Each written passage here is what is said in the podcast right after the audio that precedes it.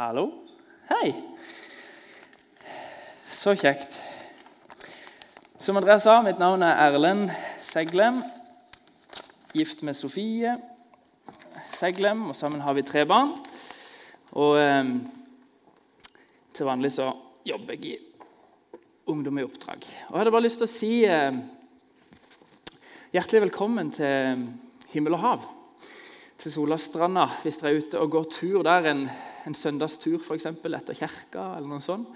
Eh, så ligger vi jo helt på, på nordenden av stranda, himmel og hav. Du har sikkert vært der. Nydelig sted som vi leier av NMS. Og nå i sommerhalvåret så har vi en eh, liten kafé som heter Taste and See. Eh, smak og sjø, eller Taste and See. Eh, som er et ordspill på Taste and See. Dette 'Lord is good'. Se, smak og se at Herren er god. Eh, der vi har en liten sånn eh, tuk-tuk der vi selger kaffe og litt is og av og til en liten matbit eller en kakebit. Så i løpet av sommeren så bare hjertelig velkommen til å komme og nyte området utenfor, eh, utenfor himmel og hav på, på, gresset der. Så jeg hadde lyst til å bare si det. Eh, og hjertelig velkommen også til å være med på andre ting på Ungdom i oppdrag-basen. Vi ønsker å, å være et, et, senter for Rogaland der vi kan være med og trene spesielt ungdom, men også alle generasjoner. Eh, til å bli disipler og ut i misjon. Eh, akkurat nå så har vi to skoler som pågår. Vi har en DTS, disippeltreningsskole. De er akkurat nå på outreach ute i nasjonene. Det er 35 stykk som reiser rundt. Eh, og, og, og gjør Jesus blir, Målet med DTS-en er å bli kjent. Eh, to know God, Å bli kjent med Gud og gjøre Han kjent. Og Så har vi også en bibelskole som pågår på base nå, med 28 studenter der også. Der Hver uke så studerer de en ny bok i Bibelen. Eh, de får litt undervisning, men mest av alt så handler det om å bare grave seg ned og skrive oppgaver og studere. Så det holder vi på med ute på Solastranda. Vi er cirka, rett rundt 50 ungdom som jobber der. Ja, ikke bare ungdom, vi er alle generasjoner, men hovedsakelig mellom 18 og 25. Eh, og I løpet av året så har vi rundt om 100 studenter som kommer på ulike kurs. Vi har seks sånne ulike kurs. Så det skjer en del på Solastranda, så hjertelig velkommen å komme inn på kafeen og bli litt kjent med miljøet og hilse på en del utenlandske eller norske folk. Vi er oppimot 20 ulike nasjoner fra alle slags mulige kirkesamfunn som har Bibelen som, som utgangspunkt. eh, veldig kjekt å være her på Fredheim Arena. Meg og Sofie har gått her i ca. seks år og medlemmer her. Veldig eh, spennende å kunne få lov å dele Guds ord med dere i dag. Eh, spesielt glad jeg er for å se Sofie her. For Hun sa i dag tidlig når hun våkna at eh, Erlend, jeg er så nervøs på dine vegne at jeg vet ikke om jeg tør å komme og se på deg i dag. Så tusen takk, Sofie, at du turte å komme. Jeg skal prøve å gjøre deg stolt. Eh, nei, jeg skal ikke prøve å gjøre deg stolt. Jeg skal prøve å gjøre Gud stolt. Det er det som er kanskje er det viktigste her. Eh, jeg har lyst til å, snakke litt om Eh, nasjoner og generasjoner, faktisk. Store tema. Men, men, jeg har lyst til å først begynne, en, begynne med en, en, historie fra apostlenes gjerninger 10. Jeg skal faktisk bruke litt tid på å lese store deler av, av den historien av apostlenes gjerning og tid, og så dra ut noen sånne observasjoner og punkt inn i dagens samfunn. Etter, etter, vi har lest det, det kapittelet eller det stykket. Så dere kan bare ja, Det er jo gode stoler her, så dere kan bare sette dere godt til rette og bare nyte og høre litt fra Guds ord. Eh, men ikke sitt for komfortabel sånn at du sovner, men bare, liksom, bare nyt teksten fra Apostelens gjerninger 10. Og det handler om Peter og Kornelius. Jeg tror vi skal få litt opp på, på skjermen bak oss, så du kan jo være med og lese hvis du vil. Eh, vi begynner da med Kornelius i kapittel 10, vers 1. I Cesarea bodde en mann ved navn Cornelius, som var offiser ved det ital italienske bataljonen. Han var en from mann, og både han og hele hans hus hørte til dem som fryktet Gud. Han ga ofte gaver til de fattige blant jødene og ba stadig til Gud. En dag ved den niende time, det er da ca. klokka tre på dagen, hadde han et syn.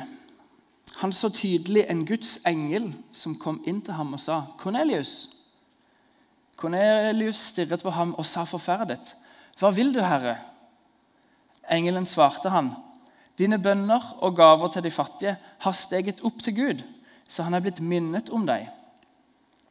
Nå skal du sende noen menn til Jaffa for å hente en mann ved navn Simon med tilnavnet Peter. Han er gjest hos garveren Simon, som bor i et hus nede ved sjøen. Så Samtidig som dette eh, skjedde i Cesarea hos den ikke-jødiske Kornelius, så skjer det noe annet med Peter i Jaffa. La oss lese fra vers 9. Dagen etter, mens de var underveis og nærmet seg Jaffa, gikk Peter opp på taket for å be. Det var ved den sjette time, altså klokka tolv på dagen. Han ble sulten og ville spise. Mens de holdt på å lage mat, kom han i ekstase. Han så at himmelen hadde åpnet seg, og at noe dalte ned. Det så ut som en stor duk som ble firt ned mot jorden etter de fire hjørnene. I den var alle slags firbeinte dyr og krypdyr som lever på jorden, og alle slags fugler under himmelen. Og en stemme sa til ham, 'Stå opp, Peter, slakt og spis.' Men Peter svarte, 'Det kan jeg ikke, Herre.' For jeg har aldri spist noe vanhellig og urent. For andre gang så talte stemmen til ham. Det som Gud har sagt er rent, må ikke du kalle urent. Dette hendte tre ganger, og så ble duken tatt opp til himmelen igjen. De dyrene som var på denne duken, som, som Peter så i visjonen, det står at det var alle slag. Og det vil si at Mange av dem var blant de dyrene som det var forbudt for jøder å spise i forhold til Toraen, i forhold til Mosebøkene, og spesielt kanskje tredje Mosebok, kapittel 11, der du kan lese veldig tydelig hva en jøde kan spise og ikke spise. Derfor svarte Peter, 'Det kan jeg ikke, Herre, for jeg har aldri spist noe vanhellig og urent.' Men Herrens respons var klar. Det som Gud har sagt er rent, må ikke du kalle urent. Men så et lite spørsmål før vi leser videre. Var det virkelig mat som Gud hadde i tankene med denne visjonen? Prøvde han å forandre Peters spisevaner? Eller var det noe enda dypere og viktigere han ville vise Peter? La oss lese videre fra vers 17. Mens Peter ennå var i villrede om hva dette synet skulle bety, kom utsendingene fra Kornelius. De hadde spurt seg fram til Simons hus og sto nå foran porten. De ropte inn og spurte om Simon med tilnavnet Peter var gjest der. Peter, som fremdeles tenkte på synet, da ånden sa til ham, 'Her er tre menn som spør etter deg. Skynd deg og gå ned.'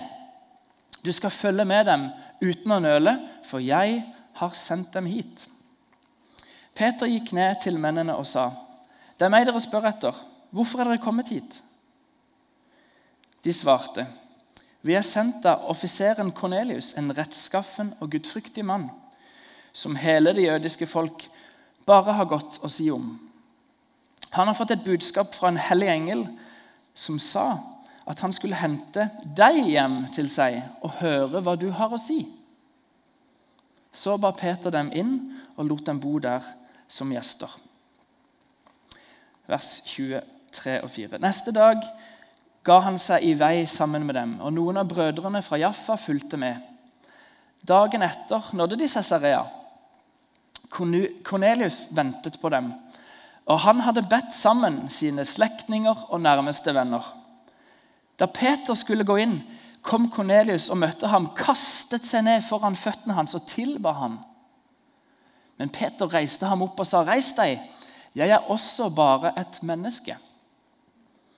Peter snakket med han mens de gikk inn, og han så at mange mennesker hadde kommet sammen. Han sa til dem, 'Det er ikke tillatt for en jøde å omgås eller besøke noen fra et annet folk.' Men Gud har vist meg at jeg ikke skal kalle noe menneske vanhellig eller urent. Derfor kom jeg da budskapet ble sendt, da jeg ble budsendt, uten å gjøre innvendinger. Men nå spør jeg, hvorfor har dere sendt bud på meg? Kornelius sa da, På denne tiden for tre dager siden, altså ved den niende time, var jeg hjemme og ba. Med ett sto en mann i lysende klær foran meg og sa, 'Kornelius, Gud har hørt din bønn og blitt minnet om dine gaver til de fattige.' Send bud til Jaffa og be Simon med tilnavnet Peter komme hit. Han er gjest hos garveren Simon som bor nede ved sjøen. Med en gang sendte jeg bud etter deg, og det var godt at du kom. Nå er vi alle samlet for Guds ansikt og vil høre alt som Herren har pålagt deg å si. Vers 34. Da tok Peter til orde og sa, Nå forstår jeg virkelig at Gud ikke gjør forskjell på folk, men at han fra alle folkeslag tar imot dem som frykter han, og gjør rett. Så hopper vi til 44. Mens Peter fremdeles talte, kom Den hellige ånd over alle som hørte ordet.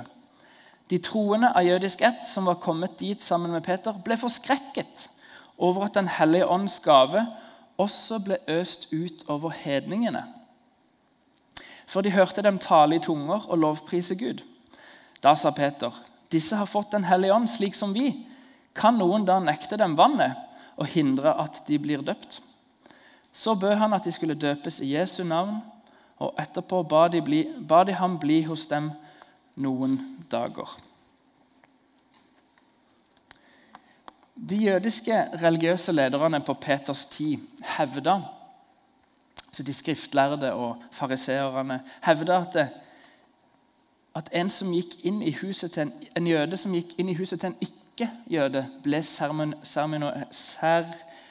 seremonielt uren. Det var en, en vanlig praksis eh, blant jødene. Men interessant nok så vil du ikke finne noe sted i Toraen eller Tanach eller Det gamle testamentet hvor det står et direkte forbud mot jøder, for jøder å ha samvær med hedninger eller nasjonene. Men det var en vanlig praksis blant jødene allikevel. Opplevelsene som Peter hadde hatt, dette synet han hadde sett før han kom til Kornelius, hadde overbevist ham om at Gud hadde åpna denne døra til hedningene, til nasjonene, og at han skjønte at Gud ønska at han skulle presentere evangeliet til hedningene.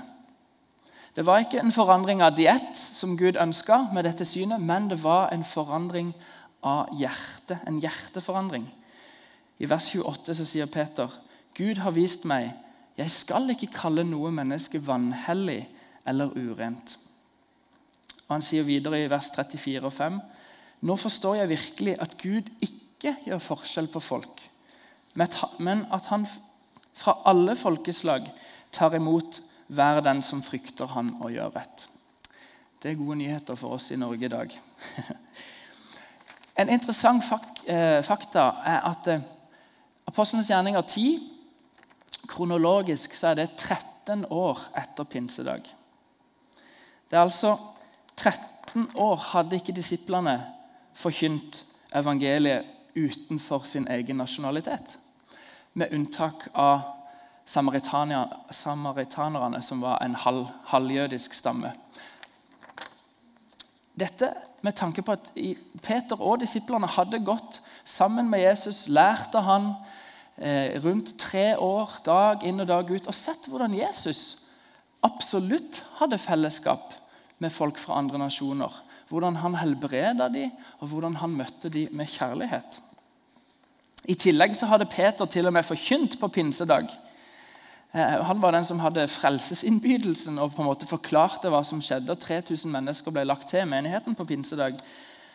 Men hva var det som var spesielt på pinsedag? Det var jo at det, det var folk fra alle nasjoner representert da Den hellige ånd ble utøst over fødselen av kirken. Og Det burde jo gitt dette hintet som disiplene trengte om oppdraget til kirken. Men nå, 13 år seinere, må rett og slett en utålmodig frelser, en utålmodig eh, Gud, bryte inn og vise denne visjonen til Peter. Bryte inn i jødene sin motvillighet til å engasjere seg i misjonen til hedningefolkene. Så Ved å gi Peter denne visjonen, repetere den tre ganger, så skjønner Peter at Jesu ord i Apostelens gjerninger 1,8 er sanne.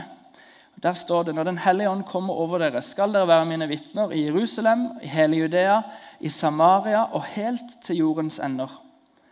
Altså ikke kun til jødene, men til alle verdens nasjoner. Og Er ikke vi takknemlige her i Norge for at Peter endelig skjønte det?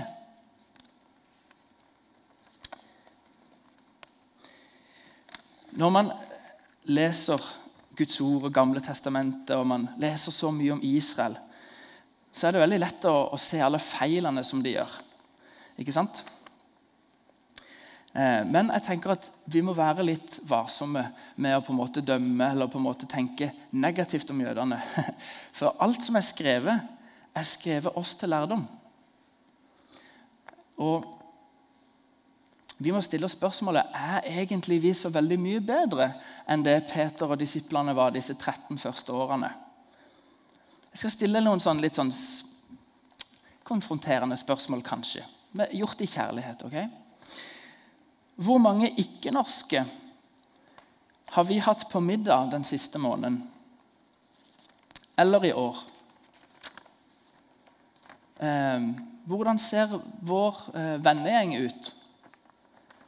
Hvordan er bibelgruppene våre? Hvem er det vi prater med på jobb, på skolen? Hvem er det vi tar med på hytta? Er det de som er like oss, som vi på en måte kan kjenne oss helt igjen i? Eller har vi vennskap og mennesker vi investerer i fra andre kulturer? For et par måneder siden var jeg på en, eh, en europeisk misjonskonferanse i England. Der var en av hovedtalerne Patrick Dixon. Og Patrick Dixon han er en anerkjent forfatter og han er en rådgiver i næringslivet. Og Han har spesialisert seg på å analysere dagens trender for å tolke hva framtida vil bringe. Og Han har hatt stor suksess med, med bøkene sine, bl.a. 'Futurewise' og 'Future of Everything'. Han kaller seg ikke en profet, han er en kristen, så han, han har selvfølgelig Guds ånd, og det er en stor hjelp, men han tolker trender og snakker inn om hva vil skje de neste fem til ti år. Og har hatt stor suksess med det. Og denne, På denne konferansen så var han invitert, og han skulle dele litt om noen av de trendene som er viktige for oss i dag når det kommer til å fremme misjonsarbeid. Det var det som var fokuset hans. Hva vil være noen av de trendene som vil være viktige for misjonsarbeidet de neste ti år? Og Jeg tror hele konferansen ble litt overraska da Patrick begynte med det viktigste punktet. For på en måte så var det så enkelt, samtidig som det òg var profound, eller var dypt. Han sa det viktigste vi kan gjøre de neste ti år, er å fokusere på gjestfrihet. Så enkelt, men likevel så kraftfullt. Patrick sa at Gjestfrihet vil være et av våre mest effektive virkemidler i å dele evangeliet i et post-covid-samfunn. Akkurat det som covid kanskje tok ifra oss, det å kunne åpne hjemmet vårt, det å kunne invitere folk inn. Det som vi på en måte har hatt ja, noen år som vi på en måte har ikke hatt det. Så sier han på mer enn på lenge vil det å bli invitert hjem inn i noens hus kunne bety en forskjell i enkeltmenneskers liv. Gjestfrihet har selvfølgelig alltid vært viktig, men om mulig har kraften av å bli invitert inn i et hjem rett og slett økt og vil fortsette å øke de neste årene. For Patrick sa at tenk på det, når du åpner opp hjemmet ditt til noen fremmede, så er det på en måte som du åpner opp livet ditt. Du inviterer dem inn i noe som er privat. De blir kjent med det på en dypere måte. De ser bildene av familien som henger på veggen. De får, se, de får oppleve smaken din, interiøret ditt. De får se rotet ditt, hvis du har det. Det har i hvert fall vi. Og de får lukte og smake maten din. Kanskje til og med sitte i godstolen, der du pleier å sitte time inn og time ut. De får oppleve hjemmet ditt, og på en uforklarlig måte så kommer man nærmere hverandre. Praten går plutselig litt dypere, Og noe av skeptisen og tilbakeholdenheten den blir lagt igjen ved inngangsdøra. Hjemmet ditt kan bli, og, er, kan bli en, en praktisk erfaring av kjærlighet og omsorg. Så bruk hjemmet ditt for alt det er verdt. Og Patrick sa dette at tør du å åpne din dør til en ny bekjent, vil kanskje besøket tørre å åpne sitt hjerte til en ny bekjent. Jeg vil skryte litt av kona mi, for hun er helt fantastisk. Sofie hun har lært meg masse. Og, og en ting som hun alltid har, har, hatt med seg, er dette hjertet for de som er litt annerledes oss. De som, litt, de, de som kommer fra andre nasjoner. F.eks. På, på Åpen barnehage så, så, så, gikk, så, gikk, det både en del nordmenn og det gikk også eh, en, en, del folk fra, fra, andre land. Og Ofte så, så det at den, så, så satte de seg i to grupper når det var lunsj. Og Sofie hun satte seg alltid med den gruppa som ikke var fra Norge, og ble kjent med de, og snakka gjerne engelsk og, og, og, brukte og bygga vennskap med de, og inkluderte de. Um, og For fire måneder siden cirka, så kom det to nye iranske familier eh, inn i Johannes og Daniel sin barnehage. Ehm, de, kom, de hadde ikke flykta, men de hadde flytta til Norge. Ehm, men de kjente ingen i Norge. Og De kom med barna sine, som ikke snakka norsk, inn i barnehagen vår, og de trengte hjelp til alt. De hadde flytta fra alt det de kjente, og de hadde kommet til Norge for å studere og, og jobbe. Det som var interessant etter hvert som vi prata litt med dem, var at vi erfarte og, og, og, hørte at de hadde faktisk de hadde islam langt oppi halsen. De hadde, de hadde, forkast, de hadde Det var langt opp i halsen på dem. Men samtidig var de veldig åpne for å snakke om, om Gud. Eh, etter noen uker og de, de, trengte hjelp til alt, så vi hjalp dem å finne noen møbler på Finn og kjøre hjem til dem. Og de var, de var liksom, alt var nytt. Eh, og Etter en stund så ble vi litt kjent, og Sofie inviterte to av disse damene mødrene, hjem til huset vårt, der vi var med barna og lekte med barna. Så gikk det litt tid, og så inviterte de oss hjem til seg. og Vi fikk smake litt på maten, maten som de lagde, og sitte og prate med dem. Um, og vi begynte å bygge vennskap. Etter en stund så, så begynte hun her ene iranske dama og Hun skjønte at det var at på, på, himmel og hav så snakka alle ungdommene alle engelsk. Og Hun hadde veldig lyst til å lære seg bedre engelsk. Så hun spurte er det mulig for meg å komme og bare hjelpe til litt på kjøkkenet. Eh, bare sånn at jeg kan være med og gjøre noe, men samtidig bare lære engelsk. Eh, så vi sa jo, jo, selvfølgelig. det Gjerne det. Så denne dama begynte å komme på basen vår, begynte å lage middag to ganger i uka. Plutselig så ser jeg henne sitte på stabsmøtet vårt. Plutselig en dag så er hun med i lovsangen. Hun sitter helt bak, men hun følger med. Eh, og etter hvert så har hun nesten det som hun har blitt en del av fellesskapet. Hun kommer i bursdagene, hun inviterer ungdom fra himmel og hav med på iransk nyttår. Eh, og Hun begynner å snakke om at det er en sånn en utrolig, det er en sånn fred på himmel og hav.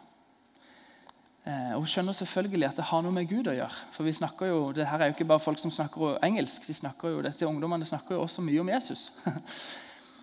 og For eh, et, en måned siden, eller fem-seks fem, uker siden så var de med oss. Denne iranske familien var med oss her i Fredheim og var med på gudstjeneste i Norge. Og Dette er egentlig bare for at Sofie har tatt kontakt, invitert hjem og begynt en relasjon. Og jeg har lyst til å bare si Det er en sånn en stor um, mulighet til misjon her i Rogaland. Det er en stor mulighet for oss å dele evangeliet med folkeslag som ikke ville ha hørt om Jesus om de fortsatt var i nasjonen sin. I Norge så bor det 61 ulike folkegrupper.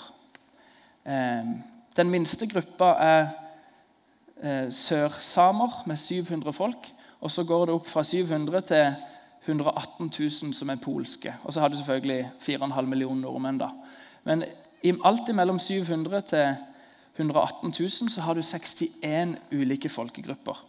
Du har latviske, du har han-kinesiske, du har serbo, kroatiske, britiske, thai, turkmenere, persiske ja, du, har du har mange ulike. Du forstår poenget. Og Av disse 61 folkegruppene som bor her i Norge, så er 13 av de unådd med evangeliet. Det vil si at mindre enn 2% i den folkegruppa tror på Jesus. Det vil si at i Norge, i disse 13 gruppene, så bor det 260 000 mennesker som tilhører disse gruppene i Norge. Hvis vi tar somalere, f.eks. Jeg regner med mange av oss har truffet somalere i Norge. Det bor 44 000 somalere i Norge. Og 0,5% av dem er kristne eller tror på Jesus. Dette er hva UDI skriver om Somalia. Utenriksdepartementet fraråder alle reiser eller opphold i Sør-, Sentral- og Nordøst-Somalia og oppfordrer de som allerede er i disse områdene, til å forlate området. Utenriksdepartementet fraråder reiser eller opphold som ikke er strengt nødvendige til Somaliland. Somal Somaliland eller Somalia er en plass det er vanskelig å dra til. Det er en plass man ikke så lett kan dra som misjonær. Men 44 000 somalere bor i nabolaget vårt, i byen vår.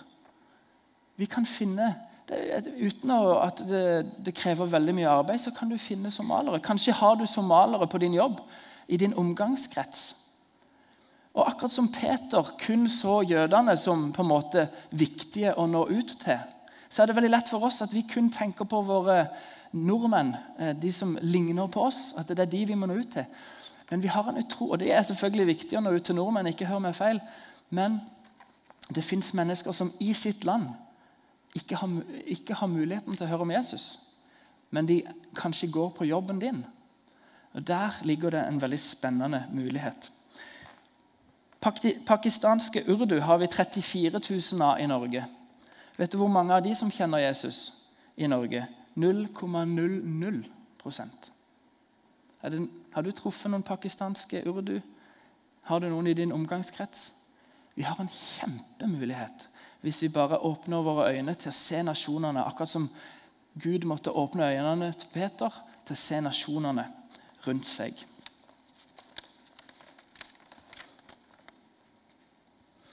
Jeg vil også, når jeg har snakka litt om nasjonene, skal jeg bare avslutte med å si litt om generasjonene. For litt på samme måte som det er veldig lett å kun se sin egen nasjon, så er det også veldig enkelt å, å kun se sin egen generasjon. Eh, og Jeg tror jeg har selvfølgelig lyst til å snakke litt om de unge, generasjonen Z. For eh, jobber, jeg jobber i Ungdom i oppdrag, så det er litt mitt hjertespråk. Eh, og Generasjon Z, eller Gen Z, eh, er et begrep som brukes om generasjonen som er født fra midten av 1990-tallet til begynnelsen av 2010-årene. Og Ofte så hører vi ja, mye dårlige nyheter om generasjon Z. Eh, vi vet alle om utfordringene med sosiale medier og, og alle de utfordringene som generasjon Z står ovenfor. Men jeg har lyst til å bare være med og bringe litt håp også inn i denne generasjonen. her. For jeg tror at det, Gud har en plan for alle generasjoner. Og Det er noe spesielt, noe interessant, som, som, som eh, skjer i generasjon Z. Eh, noen vil kalle det for Greta Thunberg-generasjonen. Ikke sant? Det er en, en generasjon som, som, eh, ønsker å redde jorda. Som ønsker å bety en forskjell. Som skjønner at ting kan ikke bare fortsette sånn, sånn som det gjør i dag, men ønsker å virkelig bidra. Og Det samme ser man blant kristne generasjonsettere. Det er gjort en undersøkelse av Barna-instituttet i USA. så dette er fra USA, Men jeg tror vi kan ta noen paralleller til Norge likevel. Der sier de at eh, Der har de spurt troende generasjon sett. Der har de spurt eh, om de ville, hvor mange ville, vil vurdere en karriere innen misjon. Hvor mange av dere vil vurdere en karriere innenfor misjonsarbeid. Og Der svarte 53% av de troende generasjon sett at de ville vurdere misjon som et aktuelt karrierevalg.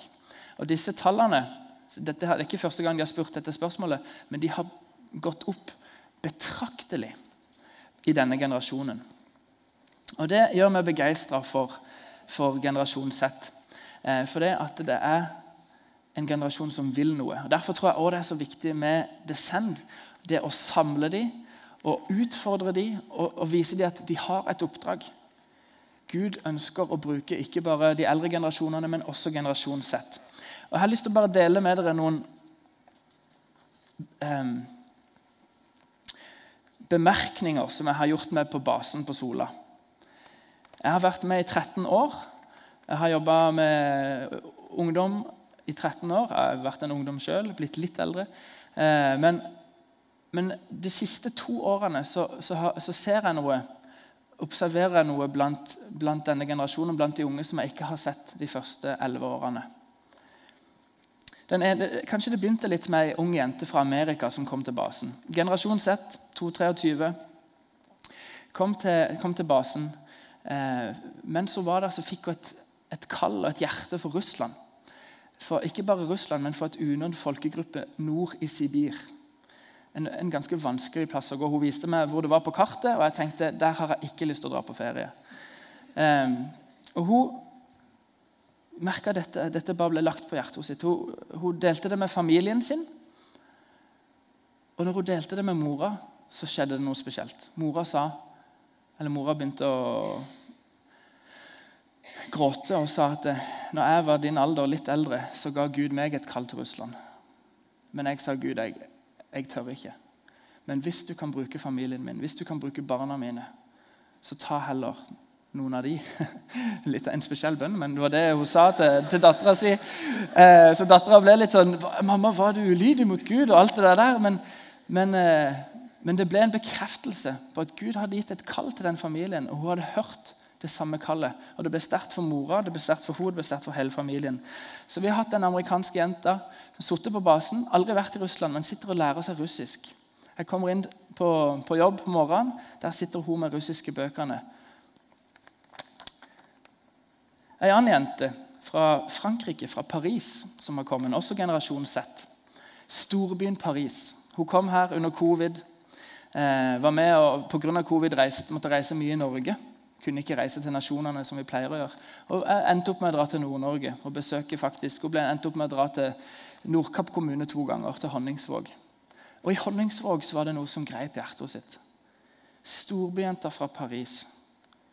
Lille Honningsvåg det var noe der med at det bare var to tenåringer som gikk i hele kirka. Det var kun to tenåringer der oppe som viste en interesse for Gud.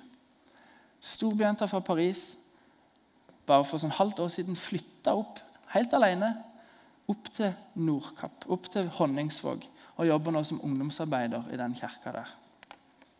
Ei annen lokal jente fra Nærbø, også generasjon Z, litt det samme som hun fra Amerika, sitter og lærer seg kemai. Aldri vært i Kambodsja, men har fått et hjerte for Kambodsja. Så mye så at hun lærer seg et av verdens vanskeligste språk på basen i Rogaland. Og dro sin første tur til Kambodsja nå i januar.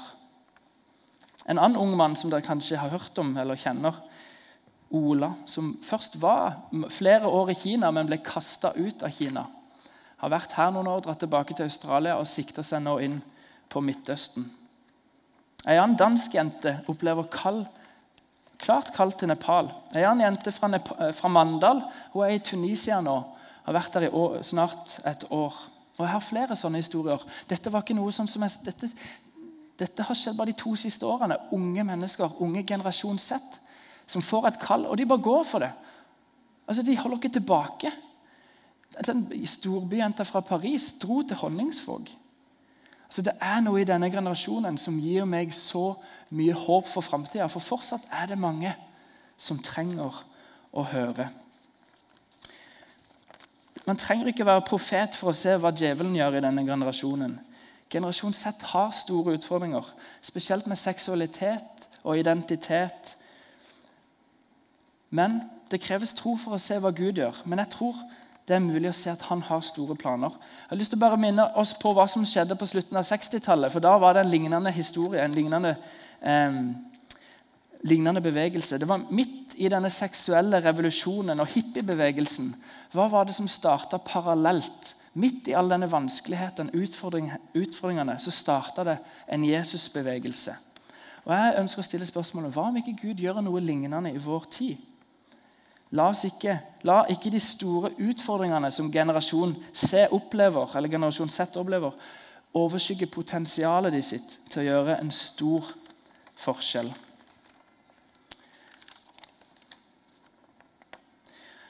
Til og med for meg som er bare generasjonen over, så har det av og til vært vanskelig å connecte med dem. For de er så ulike. De har gått gjennom så mange ulike ting. Eh, de tenker på kjønn og identitet på en helt annen måte enn jeg vokste opp. Og Av og til kan det bli sånn en barriere mellom generasjonene. Til og med jeg som jobber med ungdom, har syntes det har vært vanskelig. Men jeg har også hørt og det har også vært undersøkelser på at denne generasjonen Kanskje de ikke spør om det, men de virkelig ønsker at, å ha voksne rundt seg. Mens min generasjon vi ønsker å ha voksne litt på avstand, så ønsker generasjon Z å ha voksne nær å ha de eldre generasjonene tett på. Men det er ikke sikkert de kommer til å spørre om det. Og jeg tror at Hvis vi skal se en bevegelse, en Jesusbevegelse blant generasjonen sett i dag, så nytter det ikke at den generasjonen er isolert. Da vil den bevegelsen dø ut. Den generasjonen trenger alle generasjoner til å stå rundt dem, heie på dem, være der for dem. Bare invitere dem hjem inn i huset vårt det vi har. Så min utfordring i dag er todelt. Både å se de ulike, ulike nasjonene som er rundt oss i nabolaget, og å se de ulike generasjonene som er rundt deg. Og Det er et rop fra begge to til akkurat din generasjon om å åpne hjemmet og invitere de inn. La Jesus åpne øynene våre for de som er rundt oss, akkurat som han gjorde for Peter. Vi har en kjempemulighet i en post-covid-verden til å vise mennesker stor kjærlighet og omsorg ved å vise dem gjestfrihet. Og Gjestfrihet er noe vi alle kan klare. Det bare krever den der dørstokkmila og på en måte allikevel å invitere noen inn. Bruk hjemmet ditt. Inviter noen du ikke, utfordring, inviter noen du kanskje ikke har hatt på besøk før. Noen fra en annen kultur eller en annen generasjon. For tør du å åpne din dør til en ny bekjent, vil kanskje besøket tørre å åpne sitt hjerte til en ny bekjent. La oss be. Kjære far. Takk for at du har gitt oss så mange flotte hjem hvor vi bor og lever livene våre. Takk, Gud, for at det, at det å åpne den døra det kan bety så utrolig mye for, for mange. Takk, Gud, for at du har sendt, gitt oss en utrolig mulighet til å drive misjon i vår egen by. Både med generasjonen, generasjon Z og generasjonene, men også med nasjonene som finnes rundt oss, som ikke ville ha mulighet til å høre om deg i sitt land.